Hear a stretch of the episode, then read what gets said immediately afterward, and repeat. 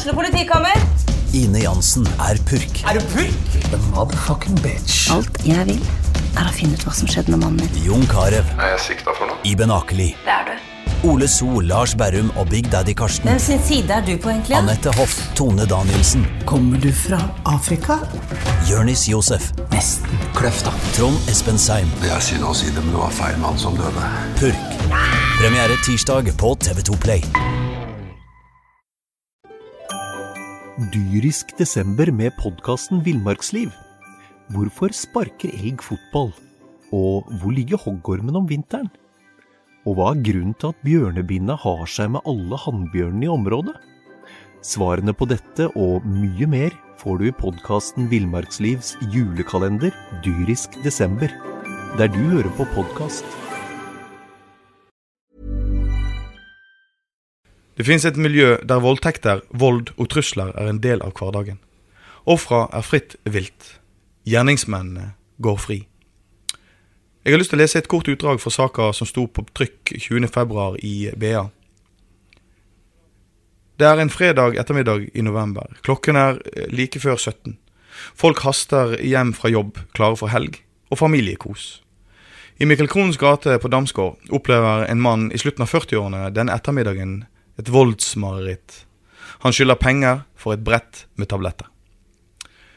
Beløpet er ikke stort, noen hundrelapper, men det er feil folk han skylder pengene til. To menn krever å få pengene. Når offeret ikke kan betale, holder den ene mannen ham fast, mens den andre skjærer ham med kniv over hele pannen og høyre tinning. Kilder BA har snakket med, hevder de, de to forsøkte å skalpere mannen. Dette skjer på åpen gate foran forskrekkede vitner. På sykehuset må offeret sy totalt 22 sting. Gjerningsmennene blir pågrepet noen dager senere og siktes for grov kroppsskade. Det som skiller denne saken fra mange andre, er verken den grove volden eller den bagatellmessige pengesummen. Det er det faktum at politiet fikk rede på det, og kunne opprette straffesak mot de to. I vårt podkaststudio i dag så har vi politiførstebetjent eh, som jobber for innsatsgruppen mot åpne russcener. Velkommen til studio. Takk for det. Det er ikke ofte at slike grove voldstilfeller havner så langt som i rettssystemet. Nei, dessverre så, eh, så er det ikke alltid tilfellet. Det er en egen mekanisme, kan man si, i forhold til de åpne russcener. Man eh, pleier stort sett å ordne opp sjøl, dessverre, og ikke ville involvere det offentlige. Og det er jo selvfølgelig ulike årsaker til, årsaker til det. Kan du beskrive konkrete handlinger som du vet om? Det er flere tilfeller hvor eh, personer har eh, fått seg en, en dabbing, som de kaller det sjøl i, i miljøet. Altså fått seg eh, en over eh, munnen, eller eh, gjerne har fått seg en blåveis. Og det er helt tydelig at de har blitt utsatt for noe. Eh, de vil stort sett ikke fortelle oss i så stor grad hvem dette er. Og det er stort sett begrunnet i den eh, frykten for å bli stemplet som tyster. For disse tror jo at de er rettsløse. Ja, mange har selvfølgelig den oppfatningen. Mange av de har et dårlig forhold til politiet i utgangspunktet. De har opplevd ting eh, gjerne i tidlig alder hvor de har følt at de ikke har blitt sett, gjerne også av det offentlige. Eh, de har blitt tatt av politiet tidligere, eh, så relasjonen er gjerne ikke alltid den beste. Det sammen med, med det å tørre å stå fram og peke ut en annen i det samme miljøet de vanker i, er ikke alltid like lett. Hvordan er det å være politimann oppi dette? Det er til tider veldig frustrerende. Vi, vi, vi ser at, eh, at eh, personer har eh, vært utsatt for vold. De ser oss og vil ofte ikke tilkjennegi overfor oss at det er det de er utsatt for. Det er veldig ofte andre bakenforliggende årsaker, ble vi forklart. Og det er Vi skjønner det at, at her ligger det noe mer bak, men, men det er liksom ikke noe å hente. Og det er Det kan eh, man gå og tygge litt på. Altså Du ser det åpenbart er redsel som ligger bak for å ikke ville snakke med politiet. Hvordan håndterer dere det? vi prøver å være på tilbudssiden, eh, men vi er også avhengig av å på en måte bringe dette her eh, inn for en Vi skal bevise for dette. Og da må man, eh, da må man eh, på en måte ha en viss deltakelse, og vi må ha en frivillighet i forhold til å bidra. Eh, det vil ofte være det som er ankepunktet i sånne typer saker. Det, det, er ingen som vil prate, vitne. Eh, vedkommende som har vært utsatt for en straffbehandling, vil gjerne ikke være med til lege. Du har jobba i denne innsatsgruppa i en god stund. Hvordan er det å være medmenneske? Du, eh, du, får en veldig stor grad av empati for den eh, gruppen du møter på jobb hver dag. Det er det helt åpenbart. Det er en marginalisert gruppe. De, de er de sliter med sitt i forhold til rus. Eh, det er bekjentskaper. Jeg vet ikke hvor mange de kan kalle ordentlige venner, sånn jeg får oppfattelsen av. Og det gjør man får ofte inntrykk av at man er ganske alene, selv om man eh, faktisk tilhører et eh, såkalt miljø. Journalisten som har skrevet den artikkelserien, heter Camilla Fosse. Hun eh, tok bilde av våpen som er beslaglagt i rusmiljøet. Hva er det som møter dere på jobben? Ja, Det med våpen, især kniver, det er dessverre en veldig typisk ting som man kommer over når vi er på jobb. Uh, og hovedargumentasjonen fra de vi da finner med spesielt kniver, er jo det at de har det for å forsvare seg. Og det er jo en skremmende utvikling. Det er jo Bare se på de sakene som har vært de siste årene, så er det kniv som, som stort sett har gjort uh, skade og uh, endt i, i død. Det er mange som spiller på frykt i rusmiljøet. Hvordan fungerer dette? Uh, det vi ofte opplever, er at enkelte opparbeider seg skal vi kalle det et image i forhold til å være den som på en måte gir noen klessinger i miljøet og har på en måte skaffet seg et navn om at han der må du ikke tøyse med. Og da er det veldig ofte at andre bruker denne personen som liksom at han er Han er den vi sender etter deg, hvis du da ikke Det er et veldig tydelig hierarki her, altså? Ja. Det er åpenbart det. Og, og, og den frykten, den, den, den, merker man eh, til tider veldig godt. Altså, man, eh, man er redde hverandre i dette miljøet. Og eh, man passer seg for hvem man snakker med. Thomas Anton Nilsen, du er redaktør for Megafon, gatemagasinet, som blir sett på gatene av bl.a. rusbrukere. Du har tillit av denne gruppa mennesker i vårt samfunn. Hva hører du av historier fra bygatene våre? ganske mye. Kjipe historier, gode historier. Eh, rett og slett veldig mye, for å si det forsiktig. Det dumme er jo eh, Vi møter jo gjerne de som har eh, gått på en smell, bokstavelig talt. Vi møter jo folk fra alle, egentlig alle nivåer i rusmiljøet, for det er jo veldig mange nivåer. Vi møter de som får mye bank, vi møter de som gir mye bank. Så vi møter jo egentlig forskjellige mennesker på, på forskjellige plan. Og det er, det er, vondt å se, det er kjipt å se, og se hvordan hvordan råskapen egentlig fungerer. Det som jeg diskuterte utenfor, det, det er litt darwinisme. Uheldigvis. Det er sterkestes rett, og det du vil ha, det, det, tar du. Hvordan opplever du at det miljøet fungerer innenfor den darwinismen? det fungerer rett og slett at det er igjen sterkeste rett. Du har den største fisken. Han er si, kongen på haugen fram til han ikke lenger er den sterkeste, sterkeste og største fisken. Og det er jo eh, sånn, og så lenger nedover i rekkefølgen kommer jo, jo mer taper du. Og det er jo heldigvis jentene våre som ofte kommer nederst, for de er ikke fysisk sterke nok til å stoppe mot dette her. Og de må ofte si, gjøre byttehandler med altså det som kalles for kjærlighetsforhold, litt i gåsehudene, mot beskyttelse fra sånn, De har en mann som kan beskytte seg. Så det er jo, det er jo urmenneske i ren praksis. Ansiktet for volden og frykten i rusmiljøet er noe som er mer vanlig blir vist til deg. Hvordan takler du det? Jeg skulle gjerne sagt at jeg eh, taklet det bra, men selvfølgelig går det inn på en. Selvfølgelig gjør Det det. Det er ikke kjekt å se et menneske komme inn med store blåveiser og knokne tenner. Og, og, det, det, gjør noe med en, ikke sant? Og det er jo igjen Jeg har den, den lille softspoten for jentene som eh, eh, Det er vondt å se når man blir behandlet dårlig. Og jeg har sett mange Donald Kuhl, jeg har sett mange mang en kar som har fått bank, og det er, det er ikke kjekt. altså. Det er blitt er- mange kvelder der du sitter og, og snakker med folk.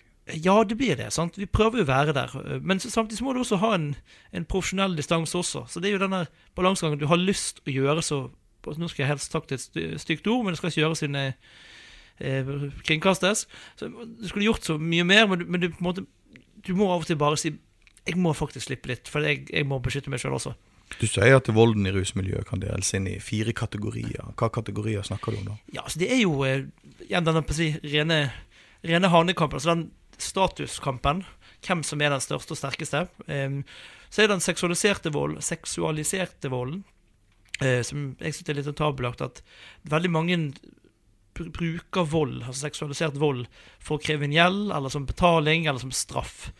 Eh, det er jo også en, en ting man kanskje ikke snakker så høyt om. Nå snakker vi om voldtekter, da. Ja, rene voldtekter. Jeg har sett, eh, vært i parken og sett en jente opp etter et tre med en kø av karer som skal straffe kjæresten hennes. Og ja, jeg skal ikke beskrive det som skjedde, men det var ikke noe pent syn. Så det er rene voldtekter. Ja, rett og slett. Eh, Så er det mye vold, som sagt, det er jo også er jo innkreving av gjeld. Altså, du skylder penger, du skylder litt for mye penger, og så får du en god runde med bank, rett og slett. For, eh, for du skylder penger til den feile personen. Og det også er heller ikke noe pent syn. Og så er det selvfølgelig rene oppgjør si, de imellom. Altså, man har mye aggresjon og adrenalin oppe, og da smeller det titt og stadig. Sånn, mer sånn territorial konflikt.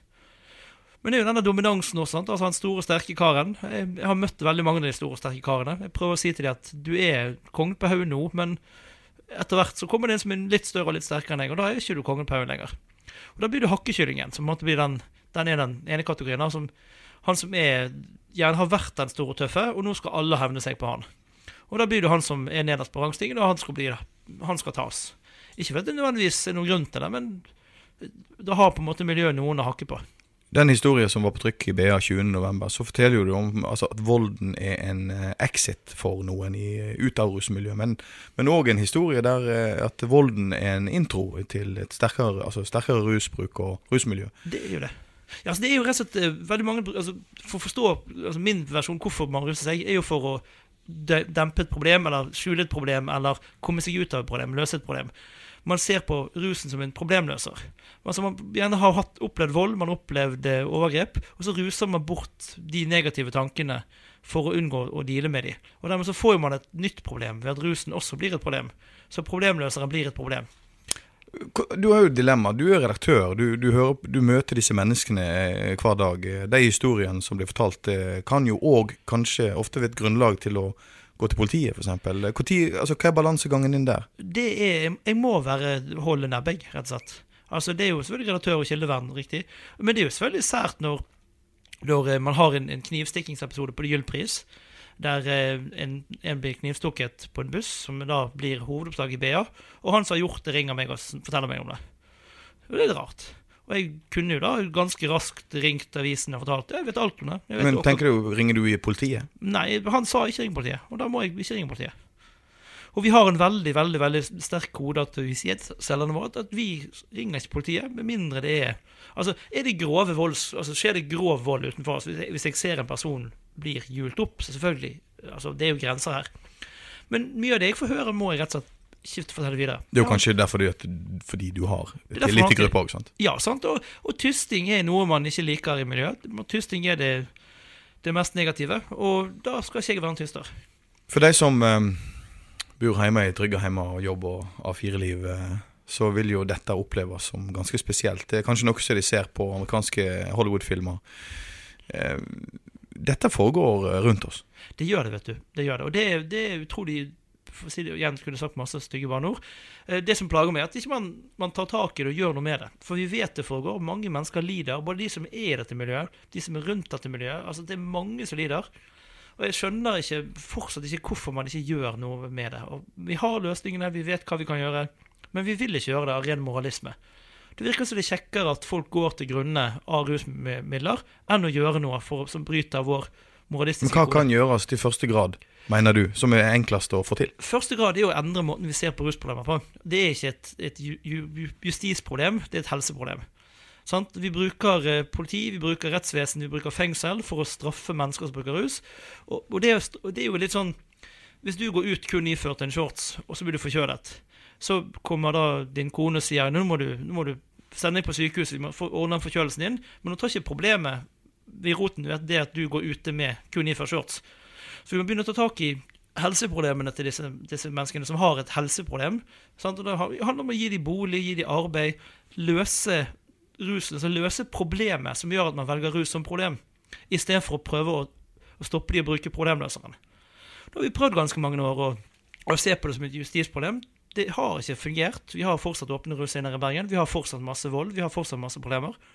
Kanskje vi må se på det som et helseproblem, og overlate det til helsevesenet og faktisk eh, satse på å få folk ut av rusen, framfor å hele tiden prøve å ja, slå det ned med, med stokk. Altså, og da mener du at en ikke har begynt å se på dette som et helseproblem ennå? Ikke, ikke, i så stor grad som jeg skulle ønske, nei. For altså, Ludvig Holberg skjønte det på 1700-tallet. Altså, alle, alle, sier at Jeppe drikker, men ingen spør hvorfor. Men hvorfor drikker Jeppe? Jo, for Nille slår han. Men hvorfor slår Nille? Jo, for Jeppe drikker. Så for å straffe Jeppe, så bruker hun mester Erik for å slå Jeppe med. Og jo mer Nille slår, jo mer drikker Jeppe, for han er da redd for å få bank av Nille. Og det skjønte Holberg på 1700-tallet, og det burde vel kanskje vært en god læresetning også i dag. Det er nyhetsjournalist Camilla Fosse som har gått ut i bygatene våre og laga reportasjen som var på trykk forrige helg. Det kommer flere saker til helga. Du har sett en del av Bergen som de fleste av oss bare får små glimt av. Hvordan har det vært å arbeide med dette? Det har vært eh, tankevekkende, er det første som slår meg. Jeg begynte jo å jobbe med, med, denne artikkelserien fordi at jeg hadde en, en, slags idé om at det foregår veldig mye av denne type vold i rusmiljøet som vi aldri hører noe om. Vi hører små drypp. Vi hører det som blir avissaker, eller det som kommer opp i rettssystemet. Men eh, jo mer jeg jobbet med den saken, jo flere mennesker jeg snakket med, jo større fikk jeg inntrykk av at dette problemet er. Og det absurde er at det er veldig godt kjent. Det er ingen som eh, benekter at dette fins, eller som blir overrasket av de som har da, tett kontakt med miljøet på forskjellige måter. Eh, faktisk var det en del som sa til meg at ja, vi, vi syns det er veldig bra at du, ser, at du lager denne saken, det sa de aller fleste, men de hadde liksom ikke tenkt på at det var noe spesielt, for det var så vanlig for dem. Alle visste om at det foregikk vold. Alle visste om at eh, vold er en del av hverdagen i dette miljøet. Men å belyse problemet sånn som jeg har gjort, det hadde ikke de tenkt på at uh, Nei, for dette er veldig vanlig jo noen, men det er veldig uvanlig jo for de fleste av oss. Ja, det er det. Det er heldigvis. Dette er, det er ganske fæle historier jeg har fått høre. Noen av de har jeg sett på trykk, og noen av de har jeg ikke sett på trykk. Og ja, det er Jeg tror ikke vi helt kan forestille oss hvordan det er å leve med en sånn konstant frykt for å bli utsatt for forskjellige ting. Som mange av disse menneskene gjør. Ikke alle, det er jo selvfølgelig også viktig å få med. Ikke alle i rusmiljøet er voldsutsatt, men de fleste. Du beskriver ganske sterke scener i, i sakene om, eh, om, vold og, og, frykt i rusmiljøet. En sak er jo å være journalist uh, i slike situasjoner, men, men hvordan er det å gå hjem etterpå? det er klart at når du jobber med et sånt tema som dette, så legger ikke du fra deg tankene når arbeidsdagen er slutt. Jeg har, eh, jeg har hørt mye, og jeg har truffet mennesker som jeg har snakket med, og historiene deres har gått veldig inn på meg. Eh, og jeg har tenkt mye på det. Men det fungerer egentlig bare som en eh, ytterligere motivasjon til å fortelle disse historiene i avisen. Og jeg blir på en måte overbevist om at det er viktig å få det fram. Det ligger mange skjebner bak de historiene BA har satt fokus på. I morgen så kommer du med flere slike historier for rusmiljøet i Bergen. Tittelen i morgendagens BA er 'Her er det farlig å være kvinne'. Mange kvinner har valget mellom å ha en kjæreste som beskytter, men som sjøl kanskje er voldelig, eller å være fritt vilt. Hva tar du for deg i uh, den artikkelserien som kommer på trykk i morgen lørdag? Eh, det går litt inn på det som eh, Thomas snakket om i sted, dette med hierarkiet. Det er den sterkestes rett, og kvinner er per definisjon fysisk svakere enn menn. Um, dette fører til at kvinner er i veldig utsatt posisjon. Det er mange av de jeg har snakket med, som mener at det er verre å være en kvinne i dette miljøet enn å være en, eh, en mann. Selv om menn også selvfølgelig blir utsatt for mye fæle ting. Det er mange som velger å gå inn i et kjæresteforhold med en for å få beskyttelse. Og da velger de kanskje en person som er stor og sterk og har en viss status i miljøet. Eh, for, at, eh, de da, for at han da skal tilby de beskyttelse. De blir beskyttet gjennom å være kjæresten hans. Men eh, disse personene er kanskje ikke så veldig snille med kjærestene sine. Men de ser at det er bedre å bli banket av en de kjenner, enn å bli banket av Flere ukjente, kanskje. Ja. Mm. Det betyr, Camilla, at uh, siste ord er ikke sagt. Langt ifra.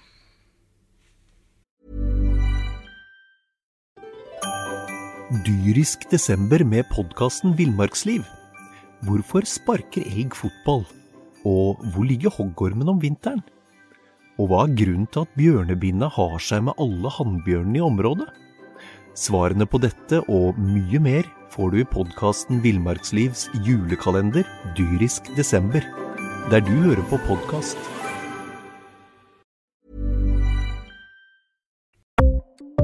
Ukens annonsør er HelloFresh. HelloFresh er verdens ledende matkasseleverandør og kan være redningen i en travel hverdag. Mange av oss har nok vandret i butikken både sultne og uten en plan for middagen, som ender med at vi går for de samme kjedelige rettene gang på gang. Middag burde være dagens høydepunkt. Som HelloFresh kan du nå velge mellom 25 ulike retter hver eneste uke, eller få HelloFresh til å sette sammen menyen for deg. Dette gir deg muligheten til å prøve nye og spennende retter alene eller sammen med familien. Du velger antall porsjoner og får alt levert på døren på et tidspunkt som passer for deg. Oppskriftene er enkle, og maten er lett å lage både for store og for små. Ved å få alt levert hjem får du også mer tid til å dele matgleden med familie og venner. Kanskje det frister med asiatiske tacos eller greskinspirert kylling? Da kan jeg anbefale deg om å gå inn på hellofresh.no. Her kan du bruke koden FOTBALL og få opptil 1779 kroner i rabatt på de første fem matkastene hvis du ikke har prøvd Hello Fresh tidligere. Du kan også bruke rabatten hvis du har vært kunde og stoppet abonnementet ditt for tolv måneder siden eller lengre. Gå inn på hellofresh.no og bruk koden FOTBALL. Har du et enkeltpersonforetak eller en liten bedrift? Da er du sikkert lei av å høre meg snakke om hvor enkelt det er med kvitteringer og bilag i fiken, så vi gir oss her, vi. Fordi vi liker enkelt. Fiken superenkelt regnskap.